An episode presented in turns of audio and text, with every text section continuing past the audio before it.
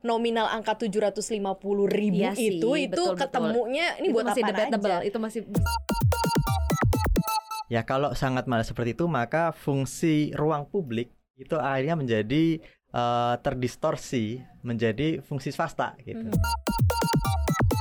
Jadi mungkin sebenarnya komersialisasi ini akan terlihat menjadi sangat eh, parah karena ini mungkin udah gunung es ya, Ya. masalah Mhm, yang sudah mhm, lama. mhm. Akhirnya untuk mengkompensasi segala kerusakan itu, untuk mengkompensasi jumlah orang yang dikurangin, Mm-mm. akhirnya langsung dengan cara paling cepat yaitu naikin jadi Tarif. 750 ribu. Koneksi Konten Ekonomi Seksi Hai Sobat Cuan, selamat datang di podcast Cuap Cuap Cuan Apa Halo. kabar Sobat Cuan? Semoga selalu sehat ya Hari ini ada koneksi konten Ekonomi. Seksi. Yes, selalu seksi karena seperti biasa ada Maria Katarina di sini, ada Head of Research CNBC Indonesia Arif Gunawan dan juga ada Ibu Yang selalu cantik ya, produser CNBC Indonesia TV. Kita bahas tema yang menarik hari ini soal uh, tiket Borobudur yang buat Hmm. lokal nih ya, jadi 750 ribu rupiah. Seperti apa? Ini pro kontra kita bahas untuk sobat cuan. Ya, Oke, langsung aja, tidak usah lama-lama bridging-bridgingnya ya, karena ini terkait mengenai yang sedang heboh dan Ya. jadi apa ya polemik gitu ya. Betul betul betul. karena mau wisata katanya kok mahal banget? gitu ya. Mungkin sobat cuan juga sudah terupdate ya terkait mengenai tiket masuk eh, candi Borobudur.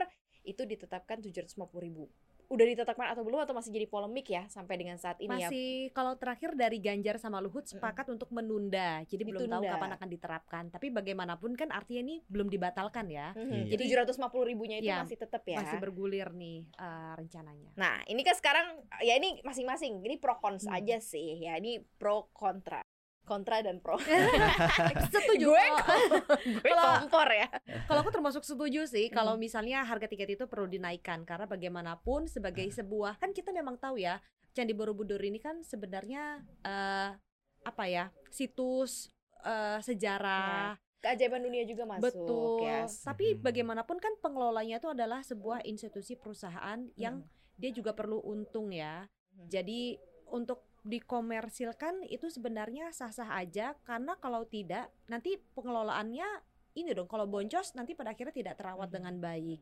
Tapi gue mau tanya juga, Mhm. nggak masalah dikomersialisasikan gitu ya. Mhm. Tetapi nominal angka 750 ribu Iya sih, itu itu betul, betul. ketemunya ini itu buat masih apa debatable, aja? itu masih masih diperdebatkan sih. Mhm. Kalau 750 ribu, asalkan tadi kalau misalnya katanya sebagai pengelolanya itu kan ada BUMN namanya TWC ya. Mhm. Mhm. Jadi dia itu katanya nanti akan menghadirkan atraksi-atraksi. Jadi katanya 750 ribu ini uh, akan mendorong Candi Borobudur itu sebagai wisata yang berkualitas Yes. pada akhirnya. Terus nanti atraksinya ditambah orang bukan Hmm. hanya melihat saja, tapi di sana nanti juga akan ada event juga. Selain itu nanti akan ada yang namanya uh, pariwisata yang sustainable. Jadi nanti didukung sama transportasi yang mobil listrik, Mhm, kemudian nanti mhm, ada mhm. homestay dengan warga-warga ya, sekitar ya, ya. yang didukung dengan solar panel juga kehidupan di eh, rumah-rumah lokal situ.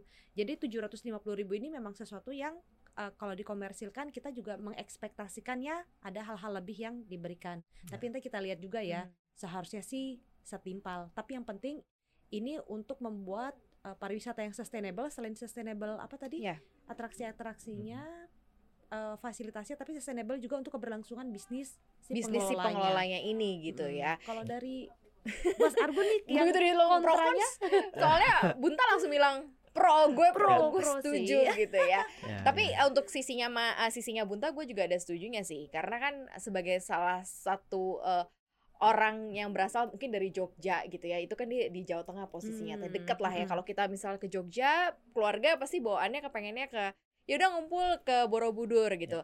Tapi nggak terlalu eh, tahu banget sebenarnya mau ngapain gitu.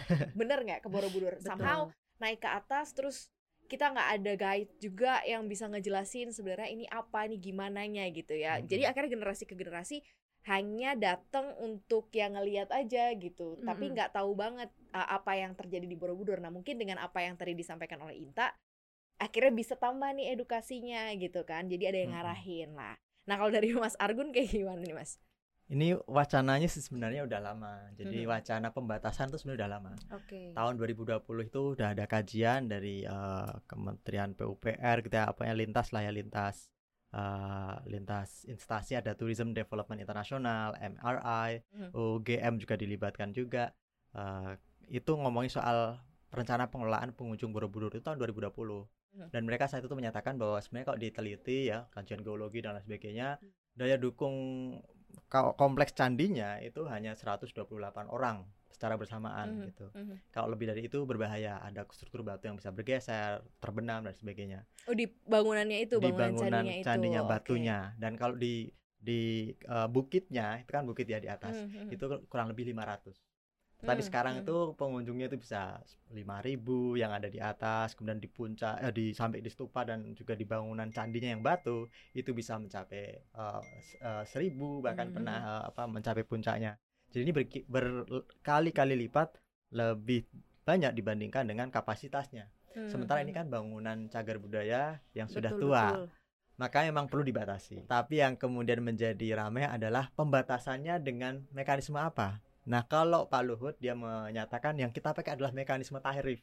Itu mekanisme paling gampang. Udah tarifnya aja dinaikin jadi yang yang masuk yang mampu-mampu saja. yang punya duit. Yang punya duit. Cepet dan, sih itu bener. dan diharapkan karena dia costnya mahal maka orang pun akan lebih menghargai gitu ya Yes. ketika momennya dia berkunjung ya tidak foto-foto aja atau Hmm. makan atau apa Hmm, tapi hmm. benar-benar menikmati apa yang ada di eh, relief-relief Betul itu. betul. Setelah dipikir-pikir orang yang mau pergi ke Borobudur ngeliat langsung candinya tuh berapa persen sih yang sebenarnya orang yang Interest ingin studi, Dia mau tahu peneliti, gitu. Mhm. orang yang menikmati seni sejarah. Kebanyakan kan memang hanya Hmm. wisatawan-wisatawan yang mau foto aja ya kan Eh, karena murah kan, ya mau ke mana ya udah Candi Borobudur yuk gitu. Karena Mm-mm. mungkin dari sisi tarif tadi Pak Luhut mengambil site-nya di situ.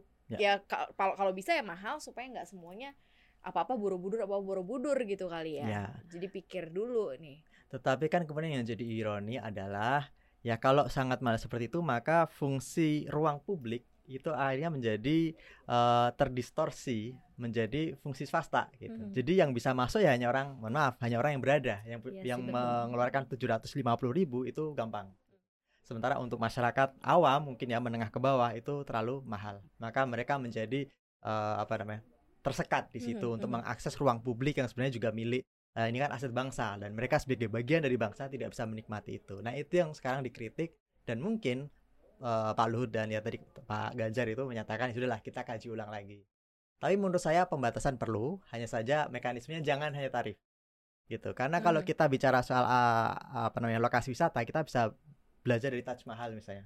Ya. Taj Mahal itu juga ada pembatasan, tetapi pembatasannya ya lebih pada turis internasional dan turis lokal. Oke. Jadi kalau yang internasional tuh gate-nya pun berbeda dan tiketnya jelas berkali-kali lipat gitu. Mhm.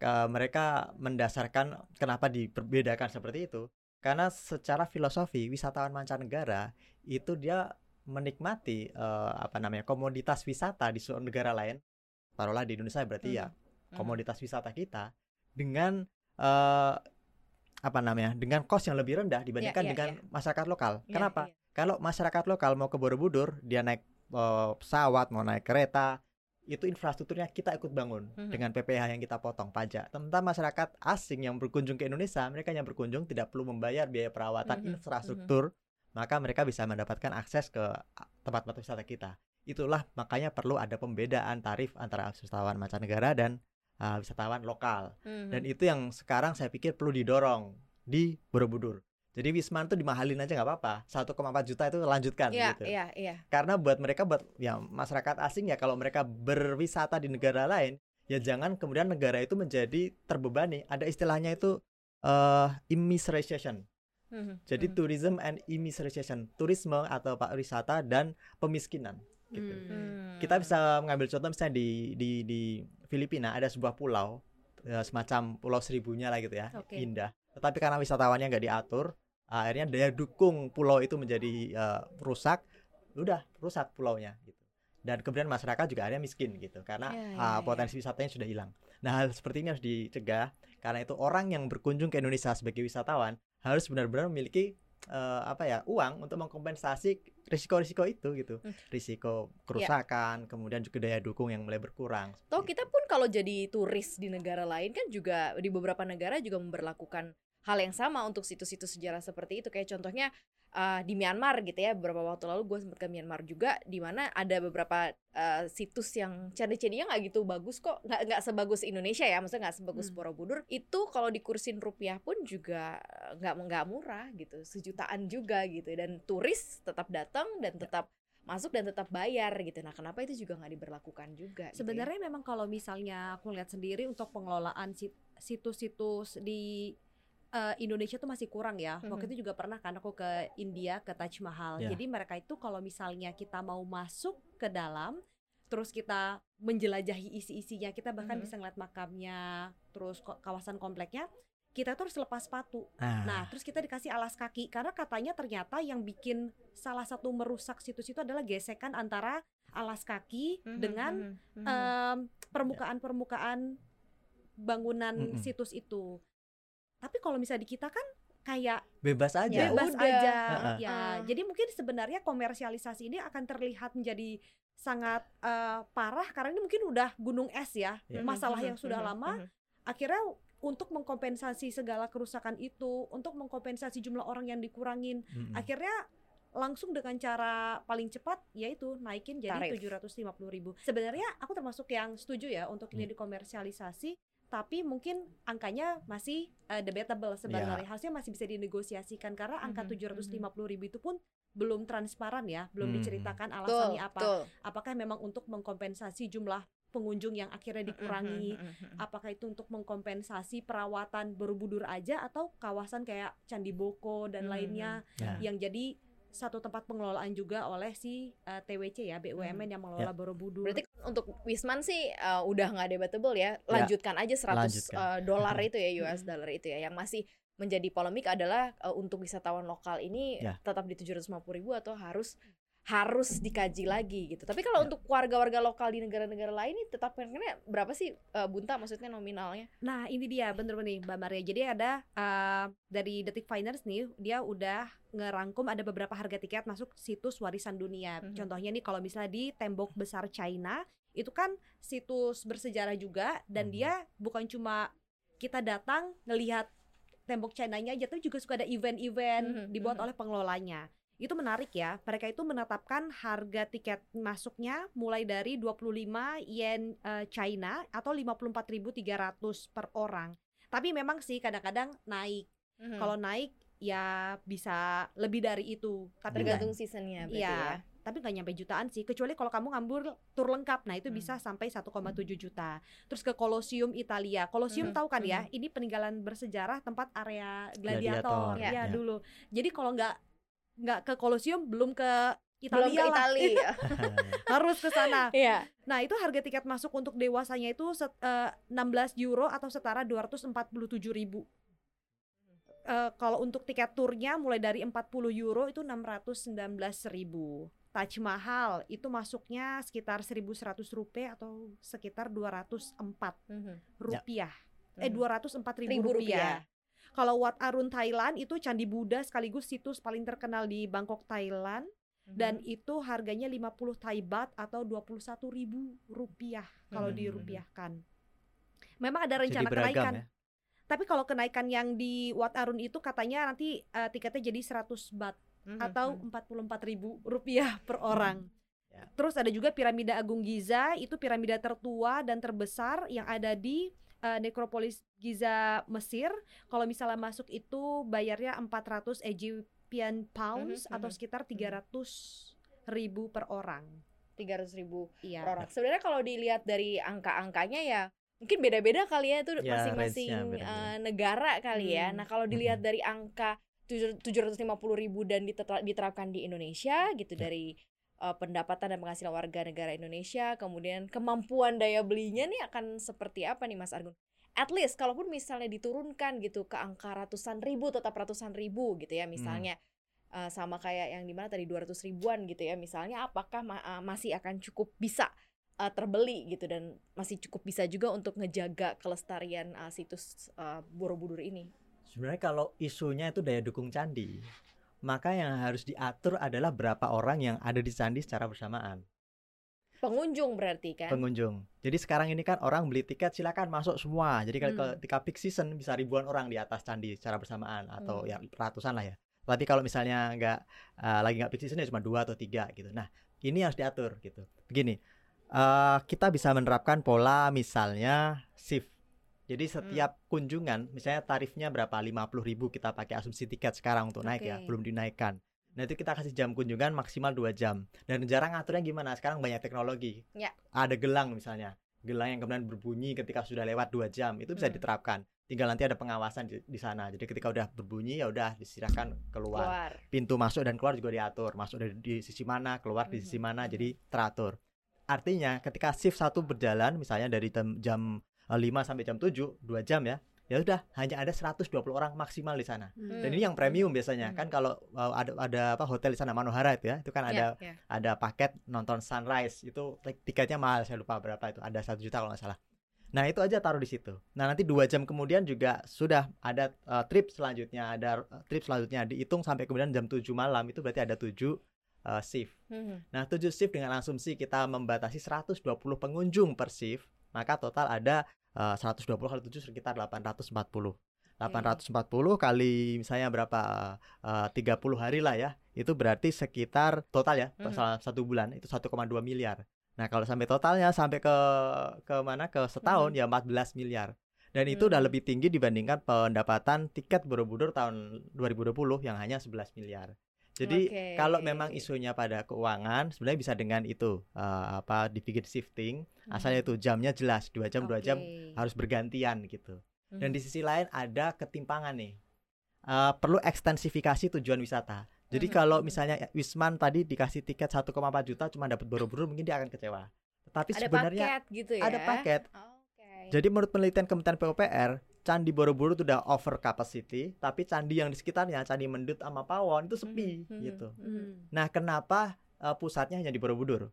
Harusnya ketika orang bayar tiket itu, dia mengunjungi Borobudur tadi dua jam misalnya, jamnya sudah habis, dia keluar, langsung ada bis yang menanti membawa dia ke Candi Mendut. Jadi dia mendapatkan ya ada ada Oke. atraksi tambahan atau bisa mengunjungi tempat yang lain gitu dengan uh, harga yang lebih tinggi. Mhm, Nah, mhm. ini akan memeratakan tadi itu kapasitas, nggak cuma terpusat di Borobudur, tapi yang Mendut dan Pawon juga terkunjungi, atau tadi Candi Boko misalnya, Hmm. atau kalau bisa Prambanan lebih jauh lagi dipaketkan Ya, iya, seperti iya. itu. Jadi saya pikir memang perlu manajemen arus wisatawan eh, yang ada di situ gitu. Dan kalau Mhm. itu yang terjadi tanpa kenaikan tarif pun sebenarnya tadi 50.000 ribu seandainya ya eh, Mhm. wisatawan asing maupun eh, domestik tetap sama 50.000 tiketnya itu dapat tadi 1 14 miliaran kalau asumsinya rata ya tiap tiap hari peak. Nah, kemudian juga apa? Ya harus sistem reservasi. Oke, Iya, sila, silahkan Kayak Ancol, Ancol kan juga gitu kan Iya. reservasinya by Bisa online, online, kan? ya betul. Mhm. online justru kalau saya mau kunjungan eh, udah tersedia slotnya jam berapa tadi sesi satu misalnya jam 5 sampai jam 7 saya pingin itu karena paling paling eh, seksi kan ada Mhm, view mhm, view sunrise ya sudah saya daftar saya bayar eh, mungkin tadi itu mungkin tarifnya lebih mahal 1,2 misalnya atau 1 juta ya udah ambil. Kemudian kalau udah penuh ya shift selanjutnya gitu. Jadi orang akhirnya bisa memanajemen wah ternyata udah full tapi saya ingin berkunjung pada hari itu. Ya sudah mau nggak mau anda harus berada di jam yang kesekian gitu. Karena anda nggak bisa eh, berja- eh, berdatangan secara bersamaan. Nah, eh, kayak gini harus diatur. Dan saya setuju dengan eh, Inta tadi. Memang harus diatur juga eh, cara atau bagaimana orang membawakan diri di sana. Sekarang Betul, udah betul, suruh betul, pakai betul, sarung, itu betul. bagus. Karena Iya. ini bagaimanapun juga Sarung buat ini ya, maksudnya kaki ya, sarung buat alas.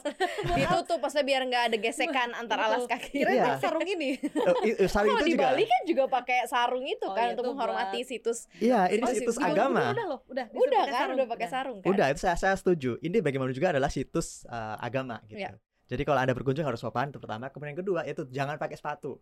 Sepatu Nah, pantofel, sepatu apa? Karena penelitian Kementerian PUPR itu katanya tangganya itu penyusutannya karena gesekan itu 100%.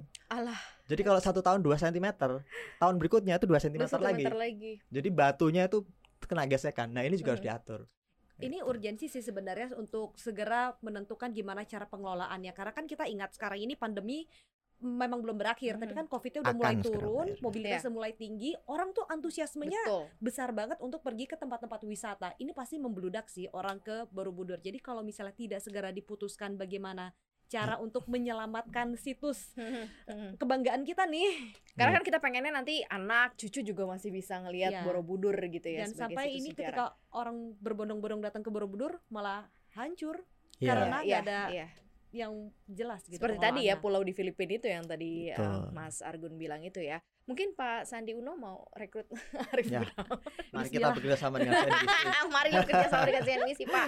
Kita kasih insight-insight yang bagus ya Pak untuk tempat-tempat wisatanya Iya. Pak Sandi Uno di, di Indonesia. Gitu deh Sobat Cuan ya ini masih polemik kita masih akan update juga untuk Sobat Cuan kira-kira nanti seperti apa kalau sudah ada tarif resminya juga nanti kita tanya Hmm. juga nih ke Sobat Cuan kira-kira cocok atau enggak ya atau udah oke atau belum nih kita butuh kritik-kritik yang sangat membangun juga dari Sobat Cuan nih terkait rencana ini terima kasih Sobat Cuan udah dengerin koneksi hari ini jangan lupa untuk dengerin Mhm. podcast kita di mana aja nih Bunta Oke, podcastnya Cuap Cuap Cuan ada di Google Podcast, Apple Podcast, Spotify dan juga di Anchor. Yes. Selain itu konten Cuap Cuap Cuan juga ada di Instagram @cuap underscore cuan. Kece. Selain itu juga di YouTube channel nih. Mhm, YouTube mhm. channelnya ada di Cuap Cuap Cuan. Jangan lupa untuk subscribe, like dan juga komen. Iya ya dan share juga nih ya Dan pastinya podcast kita hari ini juga tayang di CNBC Indonesia TV buat Sobat Cuan Terima kasih ya Sobat Cuan Sekian segitu aja Mari Katerina pamit Argun pamit. Pamit. Sehat-sehat Sobat Cuan Bye Dadah.